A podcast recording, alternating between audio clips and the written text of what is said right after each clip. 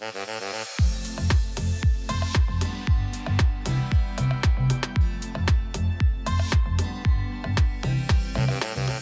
Добро пожаловать на подкаст «Касса здоровья». С вами я, Маргарита Купченкова, специалист по коммуникации от Кассы здоровья. И сегодня мы поговорим о донорстве органов с нашими гостями, врачом отделения интенсивной терапии Северо-Эстонской региональной больницы Клавди Либман, а также у нас в гостях Сергей. Он прошел трансплантацию и готов поделиться своей историей. Вместе мы сегодня обсудим, что значит донорство и пересадка, как э, это влияет на дальнейшую жизнь человека, о мифах и о многом другом. Здравствуйте. Добрый день. Здравствуйте. А, я бы хотела начать с того, что а, потребность пересадки органов а, высока во всем мире. И в нашей стране в трансплантации нуждается около 70 человек. И было сделано вот недавно исследование от э, Министерства социальных дел, э, которая показала, что почти половина населения Эстонии согласны были бы пожертвовать свои органы после смерти, но, к сожалению, только около 2% населения на самом деле оформили свое волеизъявление. Как вы думаете, в чем причина вот такого дисбаланса? Э, я думаю, что здесь есть несколько моментов. Конечно, всегда легче сказать, и когда дело доходит до исполнение это всегда тяжелее. Э, может быть, когда люди э, подходят уже непосредственно к этому, они начинают больше об этом задумываться. Безусловно, есть предрассудки, связанные с донорством. Безусловно, есть элемент недоверия к медицине. Что скрывать, он существует. Безусловно, у кого-то есть какие-то религиозные предрассудки тоже, потому что церковь, в общем-то, за трансплантацию, учитывая, рассматривая это как проявление любви э, к ближнему, как спасение жизни другого человека. Э, помимо этого, конечно, очень мало беседу, э, беседы проводится дома об этой теме. Люди боятся, боятся обсуждать это, все надеются жить долго, счастливо, и никто не думает, что вот со мной когда-то что-то может случиться. То есть вы думаете, что вот именно вот этот момент, что люди как бы не задумываются о будущем, ну вот что такое может э, случиться с ними или с их близкими, да, поэтому они вроде в своей голове подумали, ну да, я не против, но что-то же им мешает вот, пойти, зайти на государственный портал, да, там оформить, подписать э, вот такое заявление. И сегодня вот Действительно, хотелось бы поговорить о том и как-то людям разъяснить. Многие, мы уже и в прошлом году говорили, что есть разные мифы, да, почему люди там боятся. А, пройдем, может быть, сегодня эти мифы тоже, которые у меня записаны, основные, скажем так. Начать, может быть, э, с первого мифа. Вот, э, Клавдия, может быть, э, вы можете нам рассказать об этом, что первый миф — это такое быть донором органов, значит, что мои органы не могут быть э, востребованы в любое время. Это правда или неправда? То есть... Э, я немножко не поняла, что значит э, востребованы, не могут быть востребованы в любое время. Ну, а... Здесь возрастной, наверное, есть какой-то фактор. Люди думают, что я по возрасту не подхожу, или я слишком молодой, или слишком уже пожилой для этого. Действительно, есть какая-то грань. Э, скажем так, что, ну, во-первых, это волеизъявление сделать может только взрослый человек. Да? Дети это сделать так или иначе не могут. В случае э, детского донорства это принимает решение родителей, когда доходит, к несчастью, до этого.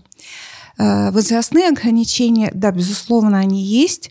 Э, относительно э, противопоказания возраст при пересадке почек самый крайний – 75 лет. 75 лет. Да. То есть, ну... Э, Но, например, в Испании, насколько я знаю, по их данным, они используют э, органы и 80-летних людей.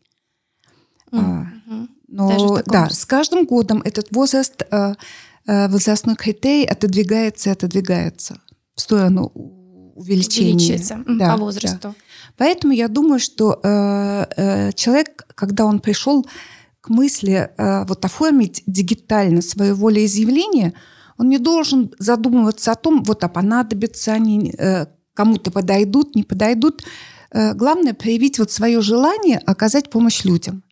Когда уже э, дело ну, случится с человеком несчастье, медицина уже ему не сможет помочь, тогда уже медики принимают решение, подойдут кому-то органы или нет. Угу. И это такое не, одно, не одноразовое такое решение, оно достаточно ситуационное.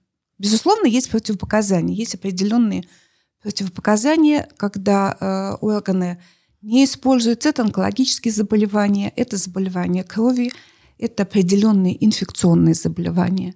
Но это всегда осматривается очень индивидуально. Ну, э, вы сейчас сразу э, несколько, несколько... Ми, несколько мифов ответили, да. Mm. А, еще вот такое, что говорится, да, что когда начинают рассматривать а, момент, что человек подошел бы или нужно заняться транс, ну, его органами, да, когда поставлен диагноз э, смерть мозга. А, возможно ли спасти человека после данного диагноза? Или смерть мозга – это уже смерть человека. То есть здесь уже все, все. что нет надежды. Надежды да? нет. Есть... Обратного пути из этой ситуации уже нет. Когда мы э, э ставим, э, констатируем гибель мозга, мы тем самым констатируем гибель человека, смерть человека. А из этого обратного пути нет. Угу. Ну, ну, ну да, я это понимаю, просто вот в прошлом году еще даже вот об этом очень много, а многие спорили, звонили, писали нам и под постах, и везде, что это не так, что еще можно, то есть, нет, ну... Нет, нет, угу. нет. Э, после смерти э, мозга, то есть после смерти человека уже все, уже ничего нельзя ничего, сделать. Да. Но... Если, если э, мы знаем, что э, или человек при жизни был против донорства, или родственники против этого, то после констатации смерти мозга и смерти человека лечение все заканчивается так или иначе. Да, но насколько я знаю, что э, в Эстонии э, может быть донором, э, живым дом, донором, да, э, это с почками, да, человек. Да. Вот, может, поподробнее об этом. Э, с почками и теоретически доля печени. Э, но живым донором может быть только э, человек, который добровольно э, изъявляет это желание и который как-то или эмоционально, или генетически связан с реципиентом. Ну, Для того, чтобы исключить вот эту возможность купли-продажи, то есть должна, да, да, должна быть четко установлена или генетическая, или эмоциональная связь. Да, вот это я а, хотела тоже отдельно подчеркнуть, что в Эстонии нет такого, что ты можешь там продать свой орган, а что люди вот это тоже был один такой очень а, большой пункт, который обсуждался, что если я вот подпишу, то будут моими органами там торговать, или могу ли я продать его, и как бы мы об этом тоже разъясняли, и сегодня хотелось бы повторить, что в Эстонии а, такой возможности нету и не было, что органами у нас не торгуют. Нет, нет, это исключено. И процесс донорства – это четко регламентированный законом процесс, и он достаточно прозрачный. То есть мы каждый свой э, шаг э, фиксируем. Точно так же, как э, диагноз смерти мозга не устанавливает один человек. Это комиссия из двух врачей обязательно. Один – это специалист интенсивной терапии, врач интенсивной терапии, и второй – невролог или нейрохирург, который специализируется на, ну, на работе мозга, скажем так. Да? При этом по закону производится два осмотра, Э, специальный тест проводится для того, чтобы подтвердить, э, что все отделы мозга э, погибли. Только после этого ставится диагноз. Диагноз, да. да. Угу. А, вот еще такой был вопрос, что э, если вот э, э, человек был, дон, был донором, да, а вот родственники после данной процедуры, а как вот э, могут ли они рассчитывать э, на похороны, скажем так, э, в открытом гробу? Да, да, потому что внешне ведь этот процесс донорства, изъятия органов, он производится в операционной с максимальным уважением к телу. То есть, то есть там не да, потрошат, грубо э, говоря, да? Вот. То есть, ну, ясно, что шрам э, остается, но это все аккуратно э, зашито если в случае, если берут э, роговицы, то это тоже гла, э, глаза закрыты же, угу. и это тоже это не видно. И внешне это не, э, не, не видно никоим образом. Ну да, я могу здесь понять э, вот это беспокойство да, родственников, что ну, по многим э, э скажем, верам, да, кто как хоронит, и хотели бы в последний путь, да, проводить там таким образом, попрощаться, увидеть, и поэтому, возможно, многие были не согласны или думают, что если они станут донорами, что родственники не смогут с ними попрощаться должным э, об, э, возможностью, скажем так. То есть это тоже еще один миф, который вот хотелось бы сказать, что Нет, внешне об этом не стоит не, беспокоиться. Об этом не стоит беспокоиться, все остается внешне. Но ведь так или иначе тело всегда в одежде, да? Угу. То есть э, до какого-то до, э, до души оно закрыто, э, глазки закрыты всегда, и внешне это никак не проявляется. Насколько длинные вообще очереди у нас вот в Эстонии на трансплантации, скажем так, люди ждут? Или это на определенные органы? Это определенные все очень очереди? индивидуально. Э, э, есть э, пациенты, которые ждут несколько лет. Насколько я знаю по статистике, где-то и до 10 лет это может быть ожидание. И есть случаи, когда вот человек вот не так давно поставили на лист ожидания, и вот раз находится подходящий, подходящий орган. То это не то, что это же не очередь в магазине, да? Понимаете? То есть это зависит от э, группы крови, от э, размеров э, органов. Э, факторов Возраст, здесь очень много. Наверное, возраст, потому что ясно, что э, почки, предположим, человека пожилого молодому пересаживать не будут. Угу. Да?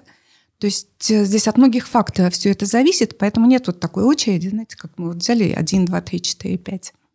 Ну, насколько я понимаю, что это целая процедура, да, то есть э, любому человеку не подойдет там другого человека органы, вот, э, вот он стал донором, и все, ему можно все пересадить, переделать, то есть это нереально, это все берутся, наверное, какие-то э, пробы да, там.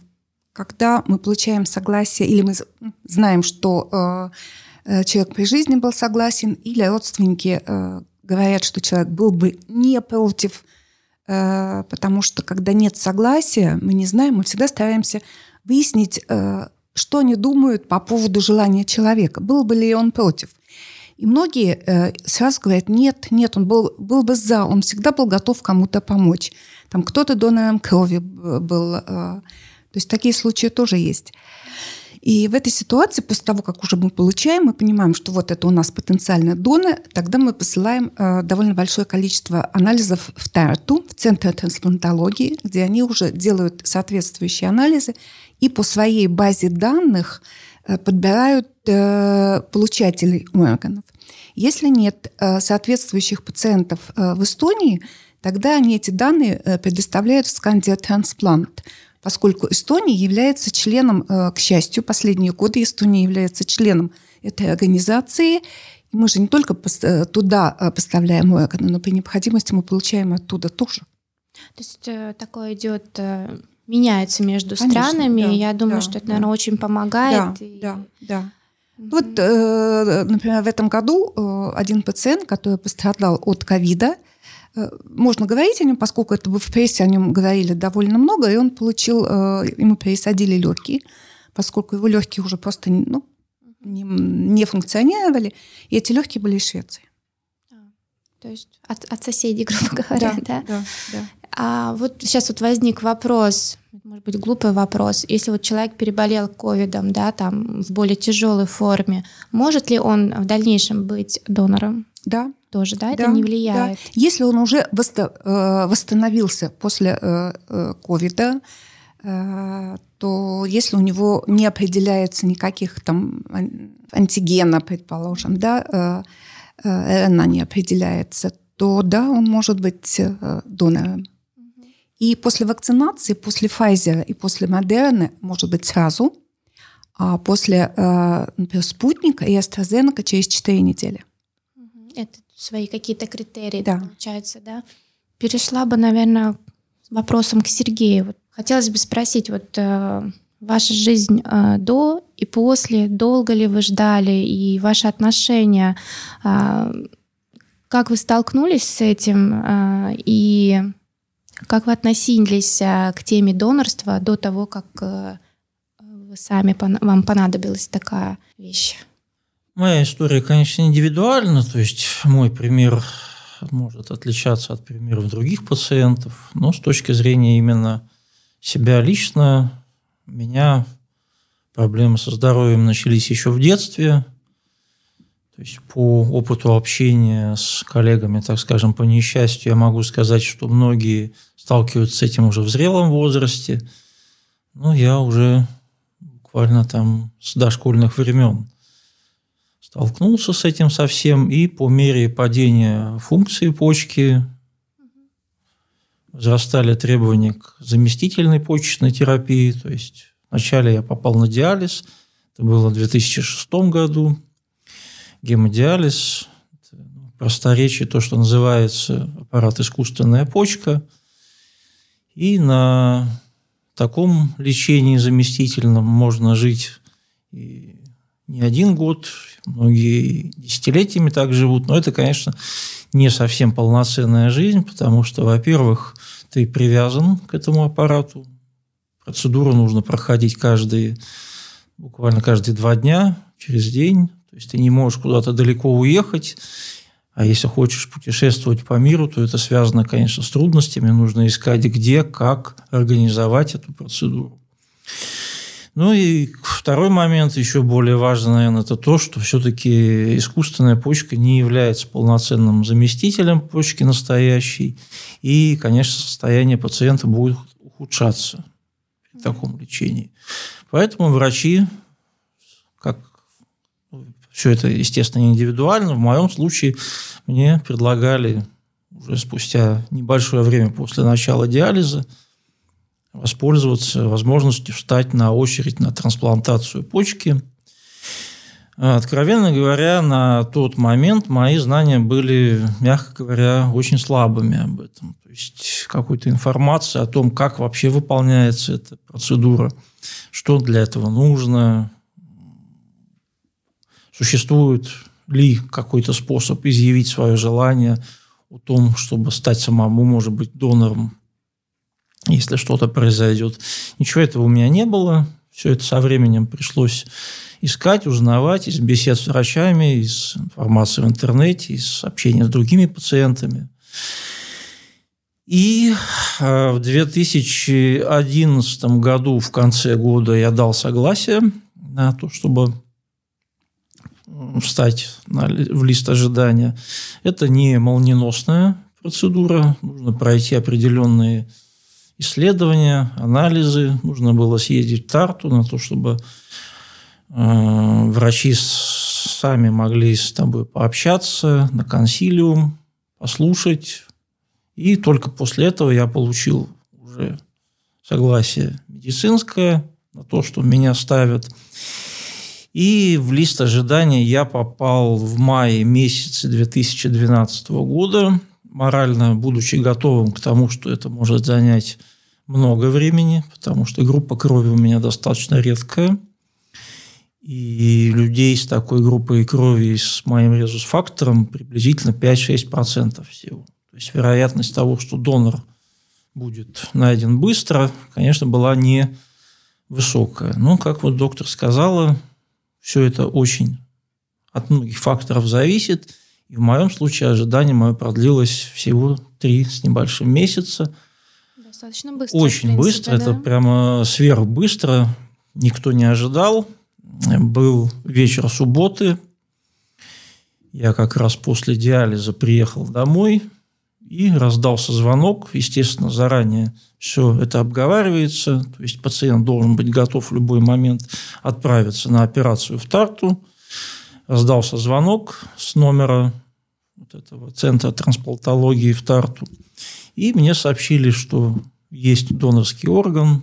Если я могу как можно быстрее прибыть в Тарту, нужно это сделать. И мы садимся в машину, быстро собираем какие-то вещи с супругой и едем туда, в Тарту, на пересадку. Ну, это замечательно, что так быстро нашелся донор, да, то есть это это хорошо, и я так понимаю, что с того момента а, вы находитесь с этим же органом, да? То есть я слышала, что иногда бывает делают пересадку да, через да, бывает по-разному, конечно, все это индивидуально. От этого донора получили донорские почки в одну и ту же ночь. Это была уже ночь. Я прибыл вечером. Собственно, сама операция началась уже после 12 часов ночи. И второй человек, который тоже вы, по вызову прибыл, он, соответственно, пошел на операцию еще после меня. То есть я не знаю, была ли это одна бригада операционная или, может быть, разные. Ну, вот за одну ночь нам двоим от одного донора пересадили, и я недавно интересовался, у него все, слава богу, и я вот тоже с этим же донорским органом до сих пор хожу и радуюсь. Насколько вот мы тоже об этом говорим, что один человек может до восьми человек э, да, сделать помощь такую, да, подарить, скажем так, вторую, второй шанс, да, или жизнь, или, ну как вот. Э, это замечательно, когда люди согласны и подписывают такие а, волеизъявления. Я сама это сделала 14 лет назад, немного столкнулась с этим. И также начала изучать, скажем так, что это такое. И еще тогда дала свое согласие, что я согласна быть донором. И хочу перейти к тому, что вот, мне кажется, это действительно очень важно э, в семье об этом говорить, неважно, там, дети, мамы, папы, там, дедушки, бабушки, да, то есть э, эту тему обсуждать и объяснять, что это такое, даже вот маленькому, да, там, поколению, чтобы они росли с этими знаниями, что это такое, вот как вы сказали, что, Сергей, что вы не знали, что это такое, как это происходит, да, с чем будете сталкиваться, что, мне кажется, это вот нужно внедрять, это лично мое мнение, да, внедрять как бы и молодежи вот эти знания, да, побольше, может быть, информации, а, поэтому вот и у нас было решение, вот еще в прошлом году мы начали с такой информационной кампании, да, что а, можно заполнить свое, свое согласие и какие-то истории, клипы тоже были, тематические вечера, где люди рассказывали. И мне кажется, даже вот с того момента, как мы стали больше об этом говорить, да, стало приходить больше и больше людей, которые стали дополнительные какие-то вопросы. Даже знаю, что спустя год, например, там э, мнение определенных людей поменялось. Сначала были категорически против. То есть это берет какое-то время человека осознать, что это, и а, что он может а, потом помочь еще кому-то. Да? То есть, мне кажется, это очень важно. А, как вот в вашей семье вы об этом как бы тоже говорите, да, там близкие, там, не знаю, дети там или родственники, это как бы информация идет дальше, да, что вы вот рассказываете, что это такое, что это важно, как бы они поддерживают эту, это, скажем так, согласие тоже, скажем так, изъявить там официально, что они согласны быть. Ну, те из близких и друзей, с кем мы это обсуждали, э, конечно, они принимали это к сведению. Я точно знаю, что двое-трое человек именно в электронной форме заходили, меня узнавали, я им подсказывал, куда и как зайти, где можно свое волеизъявление оставить, и они заходили и оформляли. Так что да, конечно, это обсуждается. Я никогда никого не пытаюсь ни в чем переубедить, никого не призываю это делать. Просто многие сами, после того, как узнают какие-то нюансы моей истории, они сами спрашивают, а вот как можно, а как у нас здесь в Эстонии вообще это все работает. И по мере своих знаний я пытаюсь им подсказать, объяснить, направить. Я так понимаю, у вас все равно какая-то есть коммуна, да, которые люди там находятся в очереди, да, или у кого была трансплантация, да, я так понимаю, вы все равно как-то общаетесь, да, то есть э, какое-то общение есть. Я думаю, что это индивидуально. Кто-то, конечно, общается, кто-то не общается. Мы поддерживали какое-то время связь, но потом просто уже почти 10 лет прошло, и понемногу заглохло вот это вот общение. Ну, может быть, это в силу того, что я не очень общительный человек, а кто-то между собой, может быть, там десятилетиями продолжает общаться. Это все... Индивидуально. Да, индивидуально. И я думаю, что это было бы даже и хорошо, если люди продолжают общаться, не обязательно даже на, на эту тему, а просто, может быть, на любой, конечно. Какие-то, да, отношения завязываются дружеские. Но я так понимаю, все равно неважно, там а, а, прошел ты эту процедуру или ждешь ты э, в своей очереди, а, твоя жизнь все равно в определенных рамках, правильно я понимаю? То есть, и, наверное, таким людям как-то легче вместе держаться, то есть тот же отдых, тоже это что как-то или, или нет, или это как-то не влияет вот на общение с другими людьми? Это в моем случае это было давно. Я не знаю, изменилось ли что-то сейчас. Мне кажется, что действительно, может быть, было бы полезно общаться тем, кто ждет в очереди, с теми, кто уже прошел какие-то шаги, что-то уже может рассказать. Конечно, когда мы с другими пациентами пересекались, общались, конечно, много вопросов. Конечно, есть всегда у пациента какой-то страх перед неизвестностью, перед ну, любое вмешательство, любая операция, они всегда вызывают, конечно. Дополнительные вопросы. Да, конечно, и стресс, и вопросы, и всегда очень хорошо, когда есть человек, который это прошел, пусть, конечно, у него, может быть, что-то отличалось, он может поделиться мнением. И в этом плане, да, мы общались, и сейчас, если я с кем-то на эту тему разговариваю, всегда стараюсь ответить на те вопросы, которые у людей возникают. Ну да, мне кажется, это очень важно, если вы прошли, да, вот этот путь, у вас есть какой-то там опыт, да, там какие, как, понятно, что у всех это индивидуально, но все равно, да, вот передать человеку там, что вот так лучше вот тут, вот могут быть вот такие вещи, что не стоит бояться, это тут пройдет, да, там, ну, я деталей не знаю, ну, я предполагаю, что это так, что это э, такая операция не аппендикс, да, то есть это более сложная вещь, и у каждого приживается по-своему. А, то есть вы столкнулись с этим еще с детства. Вот у меня, когда мы начали эту компанию, да, я очень часто привожу пример э, своей семьи, детей. Э, у меня тоже ребенок пришел и говорит, мам, вы в прошлом году делали вот такую компанию по, про донорство, про вот это все.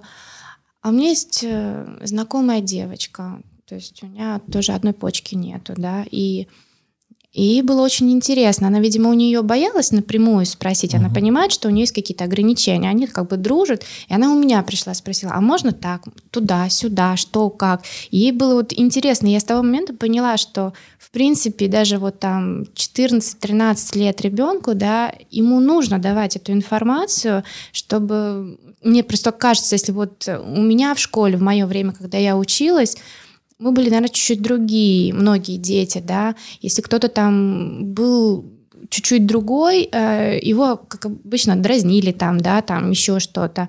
А сейчас дети вроде, вроде как и говорят, что они более ну, жестокие, наверное, неправильно, но все равно такие, возраст тоже такой, они где-то друг друга подначивают. Но все равно, мне кажется, они более э, стали более понимающими. И вот этот интерес и осторожность, да, что вот не обидеть, да, там, сделать что-то неправильно. Что меня это вот порадовало, что вроде ребенок, да, но у него есть вот эта человечность, да, и мне, мне кажется, это стоит об этом говорить. Я не знаю, вот как, Клавдия, вот у вас... Э, знаете, нам всегда кажется, что дети э, об этом не думают на эту тему. Э, для них это вообще что-то такое далекое. Оказывается, нет. У меня в практике было Э, немного, конечно, случаев, но э, два-три случая были, когда выяснялось, что 16-летние, 17-летние, ну, в принципе, это же дети еще. Дростки, да. Да, да, они обсуждали эту тему или со своими друзьями, или в семье. И вот когда с ними случилось несчастье, и им мы помочь не смогли, вот тогда выяснялось, что они говорили о том, что да, если с ними что-то случится, они согласны быть донорами. И это для меня это было, в общем, такое потрясение в свое время.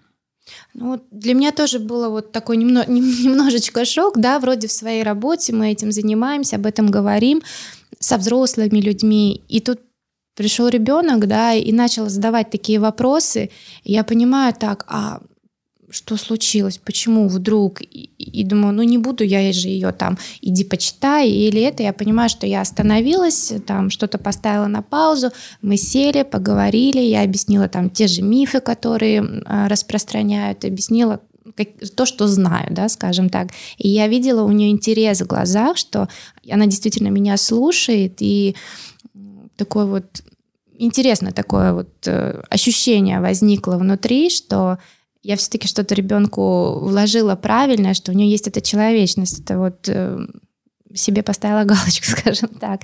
И знаю, что она с другими своими подругами также, они же у нее пришли, она же там узнала же, как, чего. И то есть вот какой-то слух между собой, они там посидели, пообсуждали. То есть э, я, скажем так, порадовалась. Э, я хочу сказать, что вот очень важно донести до людей, что вот э, что значит желание э, изъявить свое желание стать донором. Это значит изъявить свое желание после смерти помочь другим людям. Ну, тем более... Суть ведь угу. вся в этом. Помимо Конечно. этого, ведь никто из нас, э, и наши близкие, никто не гарантирован, не защищен от того, что в какой-то момент мы сами или наш ребенок э, не будет э, нуждаться в трансплантации. Ну да, конечно. Ну, есть... у многих же тоже еще вот эта боязнь, да, что если я вот это подписала электронно, да, дал согласие, то оказавшись там в больнице, мною не будут должным образом заниматься. Мне кажется, это действительно это, такой миф это абсолютно, смешной просто. Да, да, потому что, во-первых, никто же э, даже не, не до тех пор, пока э, не идет речь о смерти мозга, мы должны это э, не обсуждается. Не обсуждается, да. Уже когда ты понимаешь, что ты не можешь помочь больному, что все возможности медицины исчерпаны, вот тогда ты начинаешь думать о том, что есть возможность помочь другим людям, кто в это время зависит от диализа, кто-то зависит от кислорода, э, кто-то вот зависит от лекарства во многом. И вот тогда мы начинаем говорить о донорстве. Вот хотелось бы, может быть, перечислить. Э, в Эстонии же определенные органы, да, вот. Э, в Эстонии не пересаживают сердце. Наши пациенты Э, идут переводятся в Хельсинки, э, в университетскую больницу, и там производят э, пересадку. Уже потом, в послеоперационном периоде, они наблюдаются или в Таллине, или в Тарту. И не пересаживают кишечник. Но кишечник вообще такая сейчас очень ну, не, единичная операция, и, и не, у нас это не делают. В Эстонии пересаживают почки – и потребность в почках наиболее э, высокая по количеству. Сейчас около 30 э, пациентов стоят на листе ожидания. В Эстонии пересаживаются легкие. В Эстонии пересаживается печень, поджелудочная железа. Э, в Эстонии пересаживается говица, кожа, сосуды, кости. А, даже кости. Да, да. Да, как бы определенное количество вещей знаю, что а, вот это для меня была тоже новая вещь. А ежедневно как бы часто сталкиваетесь вот с такой вещью, что работая да, в интенсивной терапии, я не знаю, это, наверное, неправильно будет сказано сейчас вот с ковидом, да, вот этих ситуаций, где доходите вы до вот этого момента, что начинаете обсуждать донорство, больше стало или меньше? Э, вы знаете, год на год э, не приходится. Один год э, больше, другой год меньше, потому что это все пациенты с экстренной патологией. Это не результат какого-то хронического заболевания, доходящий до определенного финала. Это чаще всего или это травматическое повреждение мозга, или это кровоизлияние в мозг, это или инфаркт, результат повреждения мозга в результате длительной нехватки кислорода оживление запоздавшее. Э, оживление, почему, например, очень важно, э, чтобы люди на улице, э, будучи свидетелями, вот, когда человек там падает, у него остановка сердца, вовремя начали э, свои анимационные мероприятия именно сохранение мозга. Потому что когда спустя 10 минут приедет, предположим, скорая помощь, сердце они завести смогут, но мозг э, погибнет безвозвратно.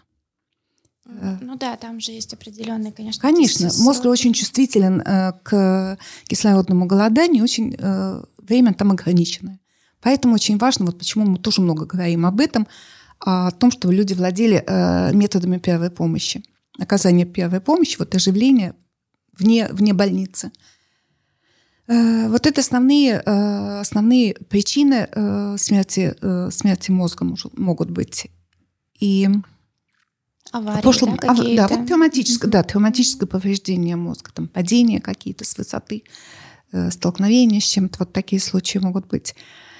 И в прошлом году у нас было э, около 30 доноров, и было в 13 случаях, помимо этих доноров, в 13 случаях мы не получили согласия.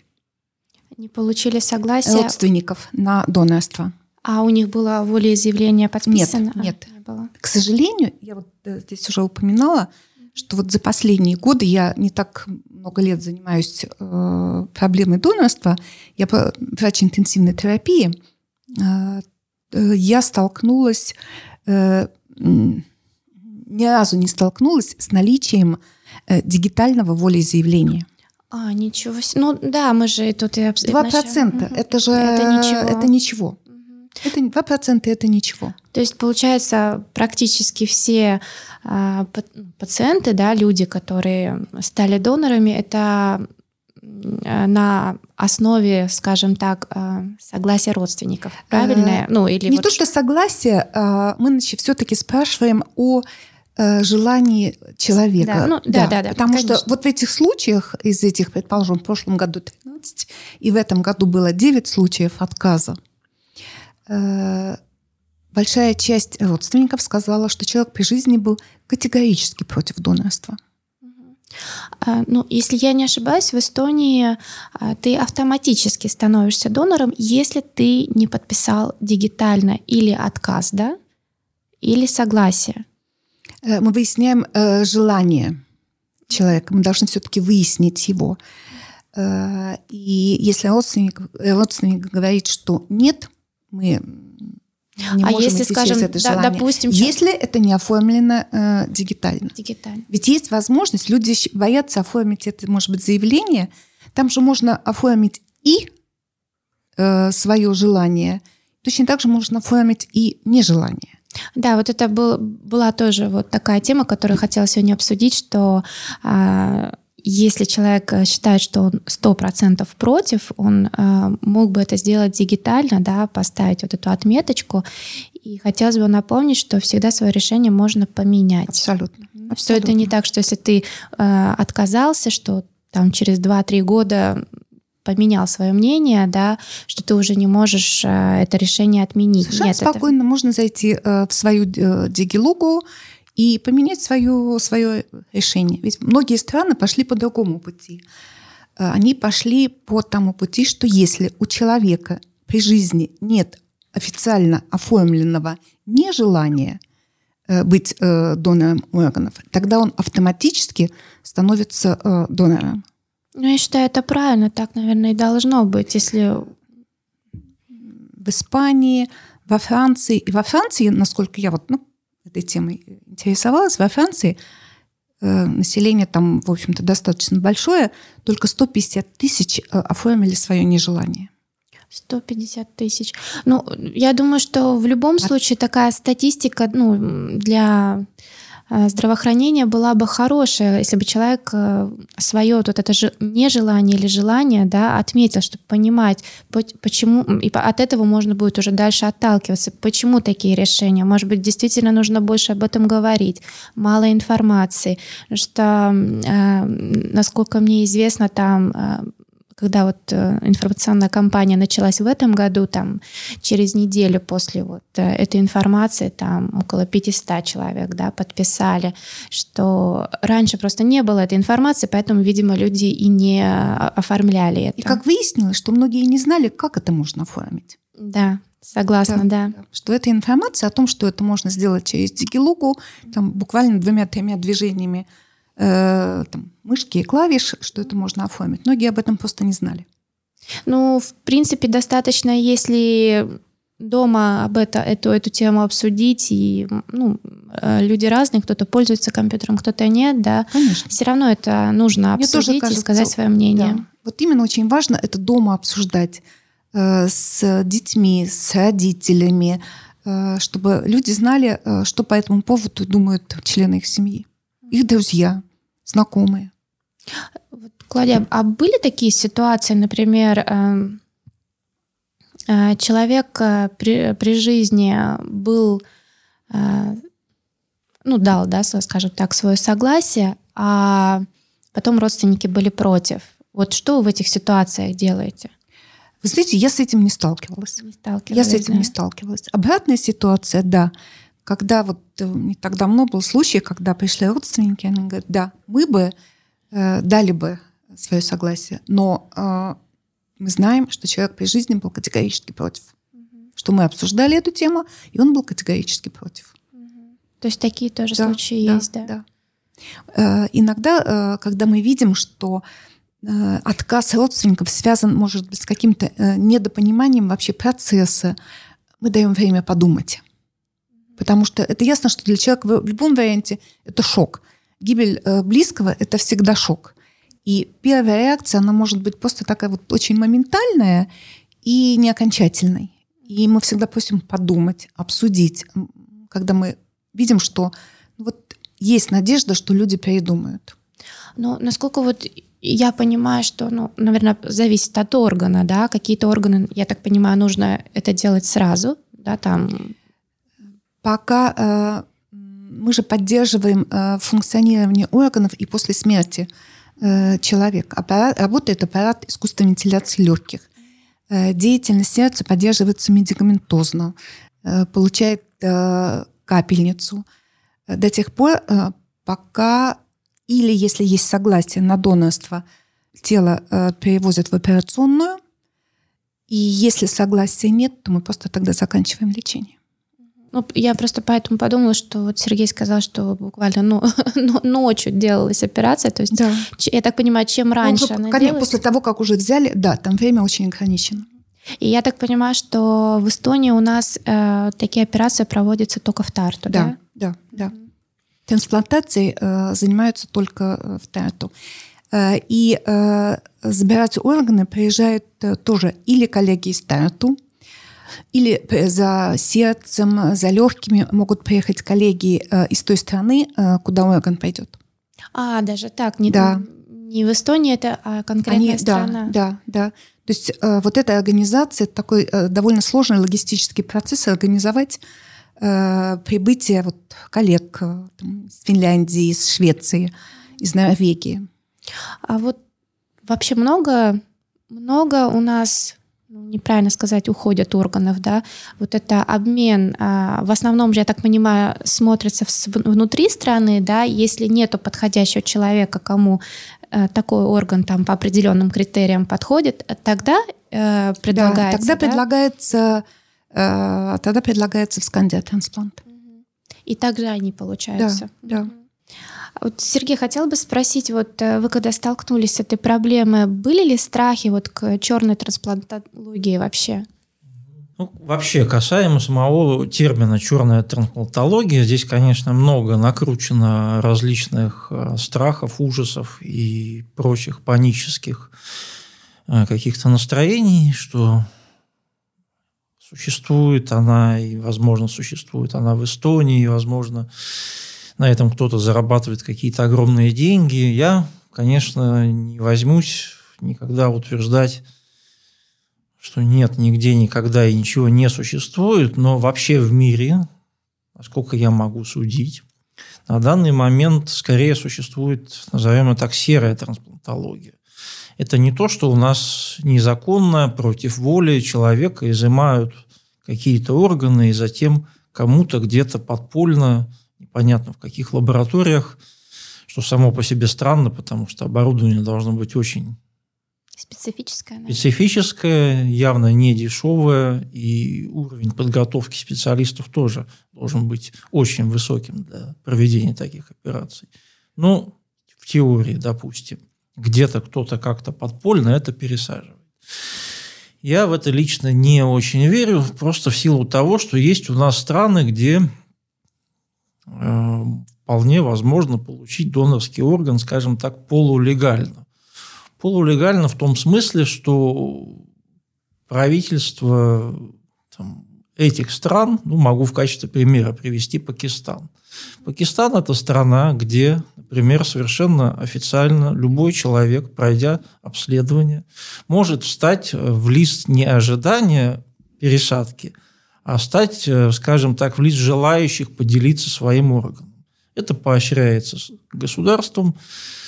За это предполагаются определенные льготы, финансовые выплаты. Да, тут можно сказать, что это торговля органами. Если это поставлено на хороший государственный контроль, если это все нормально обеспечивается, если есть желающие, то тогда почему такой форме и не существовать? Это вот то, о чем я сказал, как серая трансплантология. Если кто-то хочет получить орган, не ожидая там какой-то неопределенный, возможно, долгий срок, есть теоретическая возможность уплатив определенную сумму, поехать куда-то в какую-то страну и получить там донорский орган, но это все равно не будет какая-то подпольная черная лаборатория, где какие-то люди в черных масках будут делать эту операцию. Все равно это будет клиника, все равно это будут квалифицированные хирурги, все равно потом после этого потребуется долгое наблюдение, потому что эта операция – это не конец лечения, оно будет продолжаться все годы последующие тоже – так что касаемо страхов черной трансплантологии, я думаю, что под ними каких-то таких ну, действительных оснований, скорее всего, нет. Ну, мне тоже кажется, что в Эстонии это в принципе нереально. Вот как мы и говорили, что у нас такая э, процедура проходит только в Тарту, и сердце, например, э, э, оперирует в Хельсинки. Я даже представить не могу, чтобы у нас в Эстонии такое было была такая возможность. Вот теперь у меня возник вопрос про Пакистан. Вот, допустим, человек, живя в Эстонии, да, нуждается, ну вот там уже 6-7 лет, допустим, стоит в очереди, не находится для него подходящий донор, может ли он поехать вот в другую страну, и как потом его лечение будет? Он должен там быть, или в Эстонии его будут потом поддерживать? Сложный очень э, вопрос. Не могу ответить, я никогда с этим да, не И я не думаю, что из, из Эстонии кто-нибудь бы рискнул бы, рискнул mm-hmm. бы, да. И потом же это дальнейшее лечение, это достаточно дорогостоящее лечение. И как э, с точки зрения государства это лечение будет обеспечиваться? Конечно. Да, да я тоже да, сейчас подумала да, о том, что человек, если вот эм, сделал пересадку да, какого-то определенного органа, как вот его лечение, в какой стране тогда оно должно быть? Ну, вообще, я знаю, что, например, вот в Соединенных Штатах э, проблема ожидания, она очень острая, и листы ожидания большие, и люди просто иногда вынуждены вот обращаться к таким вариантам. Как там это решается, трудно сказать, но мне кажется, что в Эстонии, если в теории предположить, что человек получил донорский орган где-то за рубежом, наверное, это тоже как-то в индивидуальном порядке можно решить. То есть это все оплачивает Хайги касса, естественно, это дорогостоящее. Действительно, я видел сумму, которая высвечивается на экране, когда я получаю лекарство в аптеке, угу. и которую я в результате все-таки оплачиваю, ну, там разница порядки. Ну, естественно, очень большая конечно. разница. Ну, даже вообще в, в, в портале пациента можно посмотреть за определенные года вообще сколько всего стоило лечение человека, неважно, с чем оно связано, даже вот я могу зайти и посмотреть, сколько там в год на меня, грубо говоря, больничная касса потратила э, денег. Понятно, что от возраста зависит, чем старше, тем больше хронических заболеваний, да, и там суммы другие. Э, по поводу пересадки э, органа за границей, э, я знаю пару пациентов, у которых по экстренным показаниям были пересажена печень в Италии и в Германии. Угу. И потом лечение они продолжали здесь. А но здесь... Это еди... Да, да, но это все-таки Европа. Угу. И, ну, ну да, я да, это немножко к, другая... К тому... Да, угу. да. Да. Потому что если ты это сделал в европейской стране, да, то есть мы где-то здесь связаны, да, если еще и а, есть вот это... Европейская страховка. Да, это, это про, про, проходит по-другому, естественно. И терапия же, она, наверное, там не месяц, не два, я так до понимаю. Конца, она до конца жизни. Постоянно. Постоянная. Да. Для того, чтобы не было отражения э, органы, человек должен постоянно принимать лекарства. Ну, ну да, и ну, если вернуться, скажем, к Пакистану, да, Сергей, вот если я, допустим, отдала свой орган, я же тоже уже тогда буду являться, ну, неполноценной, да, какие-то вещи мне нужно будет. Я же не могу ну, у организма человеческого компенсаторные функции на самом деле очень мощные.